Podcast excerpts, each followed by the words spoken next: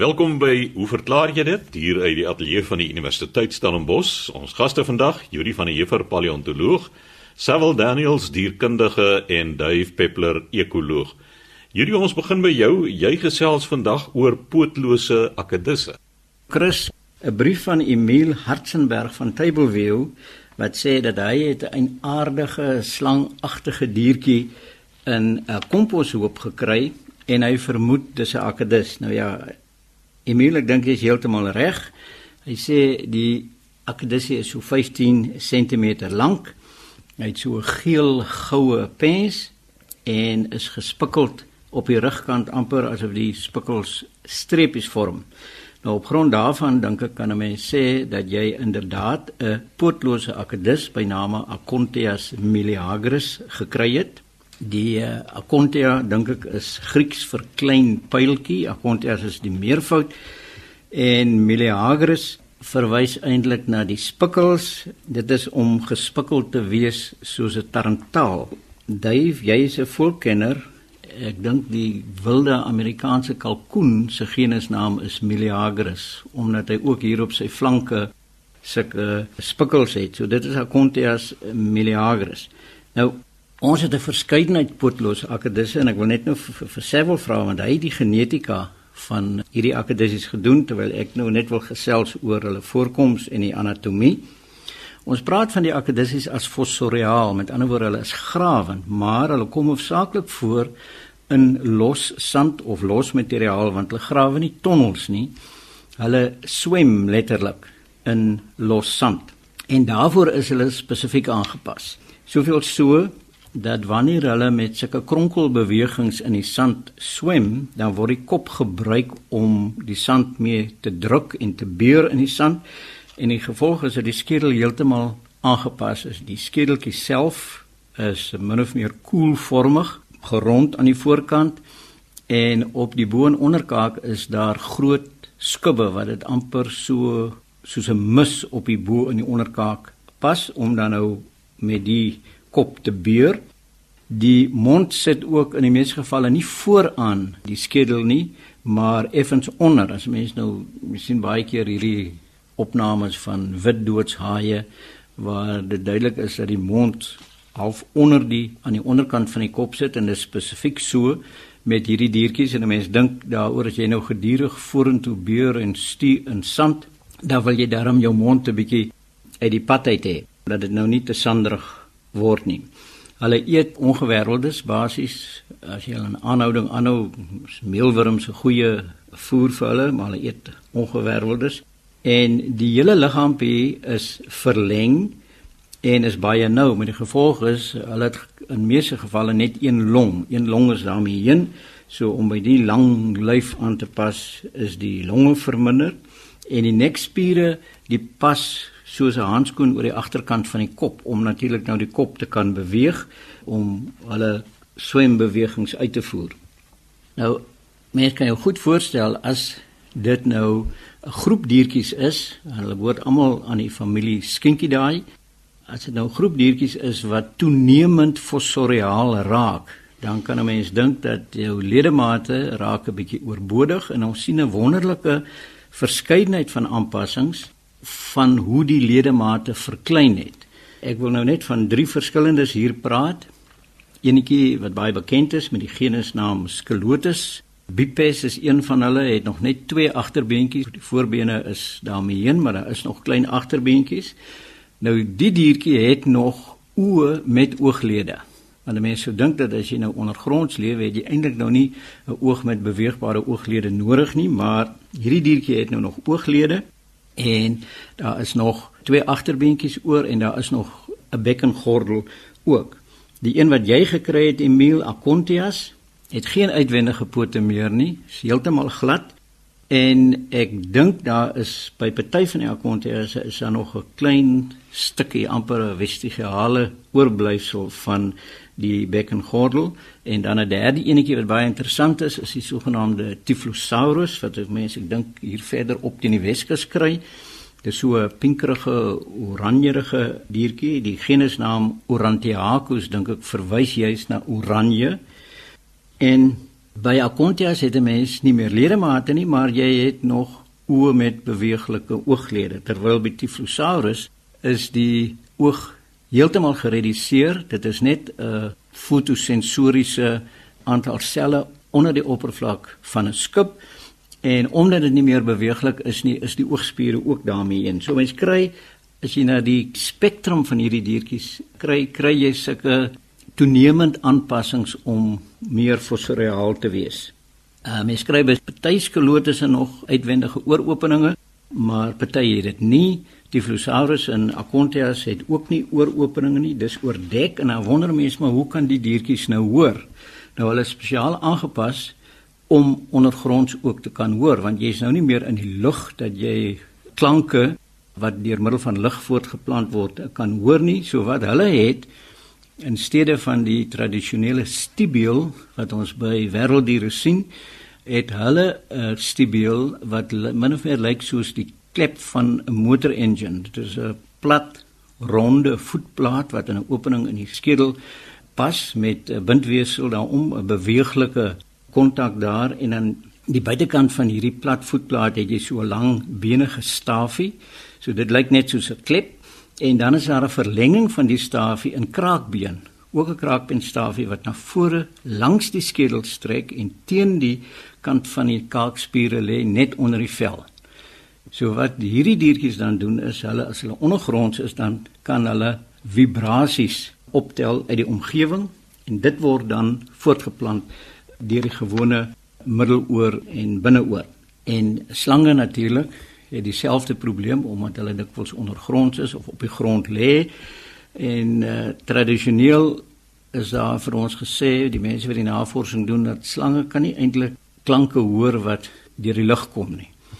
Die jongste navorsing toon nou wel dat sommige slange kan lae frekwensie geluide optel as dit deur die lug kom en dit veroorsaak 'n soort vibrasie in die skedel wat hulle dit dan kan hoor. So nou dink 'n mens onmiddellik aan hierdie Indiese fakuur wat daar sit en op sy hoë frekwensie fluit speel om nou 'n kobra te mesmeriseer. Wat eintlik nonsens is want die slang hoor nie daai hoë klanke nie wat 'n mens wel sien is dat die fakir altyd die fluit aan die beweeg is. En dit is eintlik wat die slang besig hou nie die nie die klanke nie. So as jy ooit 'n troetelslang het sal hy nie kom as jy hom roep nie. Jy moet op die grond tik of skuur voordat hy sal agslaan op jou. Juri ek moet nou vinnig hier heimlik op my rekenaartjie kyk maar dit bring die gedagte by my op dat fossireale diere omdat die spoed van klank soveel vinniger in die grond het, die voordeel van vinnige reaksietyd moet hê om prooi te kan vang in vergelyking met 'n die dier wat net met sig jag. Ja, ek sou so dink want ek weet in water word klank natuurlik baie vinnig voortgeplant. En gebeur dit in grond ook, ook in vibrasie. Ja. Mense dink aan die Adidas wat so net nat grond pik en hulle het spesifieke sensoriese selle in die snavel En enige beweging wat daai diertjie onder die grond maak, die worm of larwe, die tel hy amper op 'n sonar manier op. En jy kan maar aan die daas dop, hulle is suksesvol. Hulle kry daai goed onder die grond uit. Dis 'n baie interessante opmerking daai. Nou, Emil, daar's natuurlik 'n paar ander goed wat nou ook ter sprake kom oor die verspreiding van hierdie diertjies in die Wes-Kaap en op ander plekke in Afrika ook. Maar as 'n paleontoloog stel ek nou belang in die geskiedenis en ons weet dat ongeveer 20000 jaar gelede het ons 'n hoogtepunt van 'n ystyd gehad. Met ander woorde, soveel water was opgesluit by die pole dat die seevlak in baie dele van die wêreld gedaal het. En hier in die Kaap het dit so gedaal dat daar 'n landverbinding tussen Robben Eiland en die Weskus was. So die strandgebied het deel verder gelê en ons weet vandag dat Acontias miliaris kom, ek dink ook Skelotus kom op Robben Eiland voor. Sedert die ys gesmelt en die populasies op Robben Eiland is nou vir sê maar 10000 jaar lank of langer uh, reeds al afgesonder van die populasies in die Wes-Kaap. En dit is hoekom ek die verdere deel van jou vraag graag wil oorgee aan Sewil want hy het die genetika gedoen van hierdie pootlose akedisse. En uh hy sal waarskynlik vir jou kan verklaar as jy vra Is daar al genetiese verskille waargeneem tussen die Robben-eiland populasies en die populasies in die res van die Wes-Kaap en is dit groot veranderings of nie? Contius meleagris het 'n redelike groot verspreiding in die Kaap. Daar is twee subspesies wat in die Oos-Kaap voorkom, Acontius meleagris orientalis, dan het orientalis ook 'n morf Lineacoda. En dan is daar nou die klassieke meleagris meleagris wat 'n wye verspreiding het. Nou uit 'n genetiese perspektief het weet ons daar kom 5 genetiese groepe voor oor die totale verspreiding van die spesies. Die molekulêre werk dui ook daarop aan dat van hierdie subspesies soos byvoorbeeld orientalis nou nie meer as 'n subspesies gesien moet word nie, maar as 'n volwaardige spesies. Dieselfde geld dan nou ook vir die Lineacoda morf wat Hewitt in 1938 beskryf het daar uit die wêreld van Oos-London. In die Kaap was jy, soos jy nou tereg wys, was Robben Eiland verbind aan die Skiereiland. So die diere wat daar voorkom, is interessant genoeg as ek nou reg onthou, geografies of, of biogeografies nader verwant aan die diere wat direk langs die kus voorkom. Met ander woorde, Eysterfontein, soos mense nou na die Weskus toe beweeg, Saldanha, Langebaan. Die diere is iets wat geneties verskillend omdat daar nou klassieke populasie genetika impakte op die diere is. Jy het nou genetiese drift en dan nou fiksasie. Maar daar is omtrent geen genetiese verskille by omtrent 15 diere wat ons op die eiland versamel het nie. En 'n mens verwag ook dit tot 'n mate want daar's geen geen vloei wat nou van addisionele populasies van buite af kan kom nie. So geneties is die diere wat nou op Robben Eiland geneties onafskeidbaar van mekaar wat op die eiland voorkom omdat hulle nie werklik enige geen vloei van populasies het wat van buite af kan kom nie. Die een ding wat ook fascinerend is by hierdie pootlose akedisse waarvan nou vier genera in Suid-Afrika voorkom, Acontius, Typhlosaurus, Acontophiops en dan ook Scylotes is dat ons sien hierdie slangvormige tipe diere wat baie dieselfde kenmerk het. Met ander woorde, jy sien hoë vlakke van evolusionêre konvergensie by hierdie diere. Met ander woorde, die diere lewe in dieselfde habitat. Hulle swem almal in die sand, so hulle is almal aangepas tot 'n leefwyse wat dan nou spesifiek vir dit is, maar dit veroorsaak weer eens uit 'n taksonomiese perspektief 'n probleem, want die diere lyk nou almal dieselfde of daar's groot vlakke van variasie. Byvoorbeeld Broadley en Greer, hulle het in die 1960 so 'n groot manuskrip gepubliseer op hierdie groep waarin hulle wys dat in die Acontinai sien jy baie hoë vlakke van polimorfisme. Met ander woorde, jy sien groot variasie ten opsigte van kleurpatrone by hierdie diere en weer eens uit 'n taksonomiese oogpunt is dit problematies want die diere het die geneigtheid om dieselfde te lyk. Maar ons weet nou van genetiese werk wat ons op hierdie diere gedoen het dat hulle heelwat verskillend is van mekaar. Ons het ook by hierdie pootlose akedisse natuurlik ten minste twee spesies wat hoogs bedreig is. Scylotis montispectus wat nou daar by Bloubergstrand voorkom baie onlangs beskryf en dan ook Acontius bacillus wat net uh, bekend is van drie populasies in die Oos-Kaap.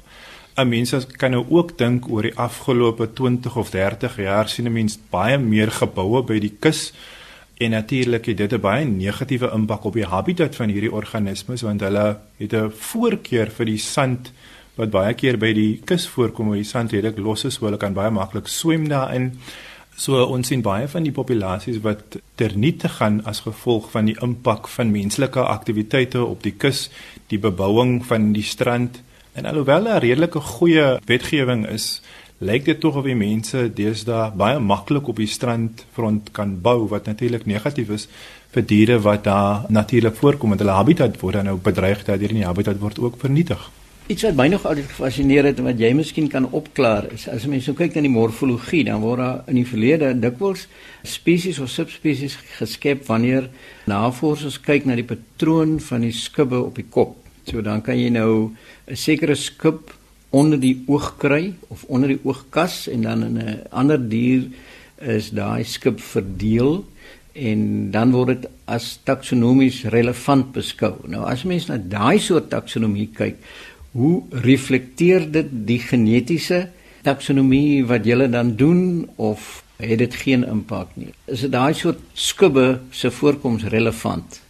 Ja, hierdie by baie diere is dit wel toepaslik. Ek dink Die morfologie word in die algemeen gebruik as 'n vertrekpunt vir die taksonomie, ongeag van molekulêre werk, want dit is 'n historiese template wat daar bestaan. Maar wat 'n mens wel met die molekulêre werk kan doen is jy kan kyk hoe relevant is die tradisionele template wat 'n mens dan nou het met die morfologiese kenmerke. By sommige groepe is die patrone redelik stabiel. Met ander woorde, die taksonomie word nie werklik verander as gevolg van die verskille wat mense sien nie, maar by ander kry mense noemenswaardige verskille wat daar die oogskippe byvoorbeeld is nie noodwendig van 'n molekulêre perspektief af genoegsaam om aan te dui dat daar verskillende evolusionêre eenhede of spesies dan nou teenwoordig is nie. So dit varieer maar per groep of die kenmerke dan nou waardige kenmerke is of of kenmerke wat dan nou gebruik kan word, gebruikswaardig is. Maar in die algemeen is die teorie ook dat mense sien minder konvergasie by die genetiese template met ander woorde wanneer jy direk na die na die DNS kyk van die diere, die DNA van die diere as wat jy na die morfologie kyk want omdat die morfologie dan aan die buitekant voorkom gewoonlik nou soos by skibbe is hulle baie meer blootgestel aan die evolusionêre impakte terwyl die DNA molekules wat nou in die kern gewoonlik voorkom of in die mitokondria by die diere um, hulle word gewoonlik minder blootgestel aan evolusionêre konvergensie so daar's meer waarde in die molekulêre aspek Savel, ek weet nou nie baie van die onderwerp nie, maar dit is my vreemd dat na 10000 jaar die diere nie aangrypend verander het op 'n eiland nie, want ek dink daar is nou getuienis dat met Darwin se vinke in die Galapagos dat hulle beklengte kan osilleer met El Niño effekte. Jy weet dit is letterlik 15 jaar na begin goed verander. En dan verwag 'n mens nou nie die hulle moet horings ontwikkel nie, maar jy weet ek is verbaas dat hulle so stabiel gebly het. Ja, Dave, kyk my navorsing het nog net na die genetiese aspek van die diere gekyk, maar ek is seker dat 'n mens as wanneer jy nou begin kyk na morfologiese aanpassings, 'n mens potensieel morfologiese aanpassings sou kon sien, want wat 'n mens sou wel kon dink kon gebeur daar is die diere kan byvoorbeeld hulle prooi items moet hulle nou verander want dieselfde prooi items wat hulle blootgestel was toe hulle verbind was aan die skiereiland kom nou nie meer daarvoor nie. So ek dink dit is fascinerend die vraag. Ek dink 'n mens mag miskien bewyse daarvoor sien as jy nou gaan begin kyk na die dieet van die diere of hulle die grootte van die mond of die algemene bou van die diere maar ons sien dit nie met die met die molekulêre werk wat ek nou doen nie maar as 'n mens miskien fyner kyk miskien na meer sensitiewe DNA merkers ook begin kyk kan jy miskien ander patrone sien Dis nou 'n interessante storie wat jy nou opgehaal het. Ek het altyd gedink dat die seleksiedruk op die Galapagos eilande was eintlik groter geweest want die sade wat seker van daai vinke eet, dit verander met die klimaat. Dit raak harder doppe of sagter doppe en ek dink daai studie wat 30 jaar geduur het, het hulle juis bevind dat die vinke se snavels pas aan by die verandering in die voedsel. En as akontias en skelotes ongewêreldes eet en larwes in die soort van goed op Robben Eiland. Mense dink nie daaraan dat dit op sigself op 'n seisonale manier sou verander nie. So miskien is dit net 'n kwessie van stasis geweest. Daar was nie 'n fluks geweest nie. So sê Yuri van der Heever en Sewil Daniels dan oor die pootlose akedisse. Laaste aan die beurt Dave Peppler. Dave, as 'n mens 'n denneboom afkap, gaan dit gewoonlik dood, maar met 'n bloekomboom gebeur dit nie. Hy loop weer uit. Chris Ja, baie kort brief van Jackie Skuls van Somerset West. Hoekom gaan dennebome dood as mens hulle afkap, maar bloekombome loop weer uit as hulle afgesny word? Kom ons kyk nou eers na die dennebome wat hy na verwys wat doodgaan as jy hom afkap. Hier is natuurlik 'n kinkel in die storie want daar's een denneboom wat uitloop, slegs een. Dit is uiteraard 'n naaldhout van die genus Pinus en vreemd genoeg kom almal uit die noordelike halfrond. Daar is geen suidelike dennebome nie. Daar's wel een in Sumatra, maar dit is nou maar 3 grade suid van die ewenaar. Meeste van hulle kom ver noord voor, 12 tot 66 grade. Hulle is immergroen en bevat hars. Ons weet dit as jy hom seermaak, loop na hars uit. Daar is kreupeldenne van 3 meter en dan van tot 80 meter hoog. Hulle kan ontsettend hoog word. Wat meeste dennebome deel, is 'n baie dik bas wat hierdie skubagtige los byna soos rowe maak wat afval. Die takke kom In pseudokranse mense is geneig om te dink dat hulle hierdie eenjarige kransies maak, maar dit is eintlik 'n pseudokrans is 'n spiraal wat gekompakteer is en hulle is baie lanklewend van 100 tot baie duisende jare as mens kyk na die Bristlecone pine. Dit is Pinus longeva, die Bristlecone van Kalifornië. Daar's nou 'n lewende een wat 4600 jaar oud is en wat reeds wat hulle jaringe gemerk het tot meer as 5000 jaar gelewe het. Een organisme, dis merkwaardig. Hulle is kegeldraand en die bome is meer slagtig. Mense weet van Stellenbosch, jy weet as die stuifmeeltyd kom, dan is elke poelietjie in die lente oortrek met 'n geel laagie. Die sade word versprei deur voëls in die noordelike halfrond. Daar's die beroemde crossbeak in Skandinawië wat met sy vreemde snaweltjie tussen die skubbe van die kegel kan inkom en die saadjie uithaal, maar en hierso begin een van die wysers na die antwoord. Meeste dennebome los hulle sade na 'n brand en dit is waar ons sien bergbrande hoe Pinus radiata byvoorbeeld deur die fynbos versprei. Nou, dit is nie noodwendig die keel wat skielik besluit om oop te maak nie, die hitte van die brand smelt die hars wat die kegel in mekaar hou en dan spring hy oop. En, hier kom die ware sê, hulle is lank lewend. Hulle het 'n dik bas wat hulle teen vuur beskerm, maar vuur is ook 'n drywer is die puls wat voortplanting aanpuls. En dan kom ons natuurlik by die een wat uitloop en dit is een van die Kanariese eilande, Pinus canariensis en die van julle wat hulle wil sien, daar is 'n groot proef stuk aangeplant tussen Woolsley en Tilbag. Hulle staan vandag nog daar en jy kan daar maar gaan kyk hoe hulle uitloop na hulle afgekap is. Nou Voor ons dan by die bloekoms kom, moet ons net kyk na die algemene eienskappe van plante wat aangepas is om met vuur om te gaan. Dit is gewoonlik 'n dik beskermende bas soos ons waarboom in die fynbos. Hulle maak uitlopers, hulle is herspruiters na 'n brand wat die denne nou nie doen nie en hulle het dan geslote kegels of saadknoppe waar soos met baie van ons proteas en ander fynbosplante En dan laastens saad wat lank dormant bly, kyk ons na die akasias wat ons mee sukkel as indringerplante. Baie van hierdie akasias het 'n baie dik testa en die saad kan 150 jaar letterlik in die grond lê en na ernstige brand sal hulle nog ontkiem. Dis merkwaardige lank lewendheid. Meeste van die bloekom soos my oupa gesê het, blogem, natuurlik van die verwringing van die Engelse blue gum bloggem, bloggembome kom uit Australië en daar's bykans 700 spesies. Net 9 van hierdie spesies kom buite Australië voor, maar dit is almal in die omgewing. En daar is byna 92 miljoen hektaar dominante bloekomspesies in Australië. En ook die hoogste boom op aarde is 'n bloekomboom wat op 99,6 meter staan op die oomblik. Hulle het uiteraard blare wat ryk is aan olies en hierdie olie word in vele industriële produkte gebruik. Bloekombome word ook gebruik natuurlik om morasse droog te lê en dit is 'n probleem van plantasies in Suid-Afrika want 'n volwasse bloekomboom kan in die orde van 200 liter water per boom per dag verplaas. En dan natuurlik ook dit is hulle brandgevaar. Mens weet dat op warm dae kan hierdie olies verdamp en dan byna 'n miasma vorm in die bome. Dit is waar die Australiese Blue Mountains hulle naam kry. Warm daar is daar 'n blou skynsel van die olie wat in die lug gespandeer is.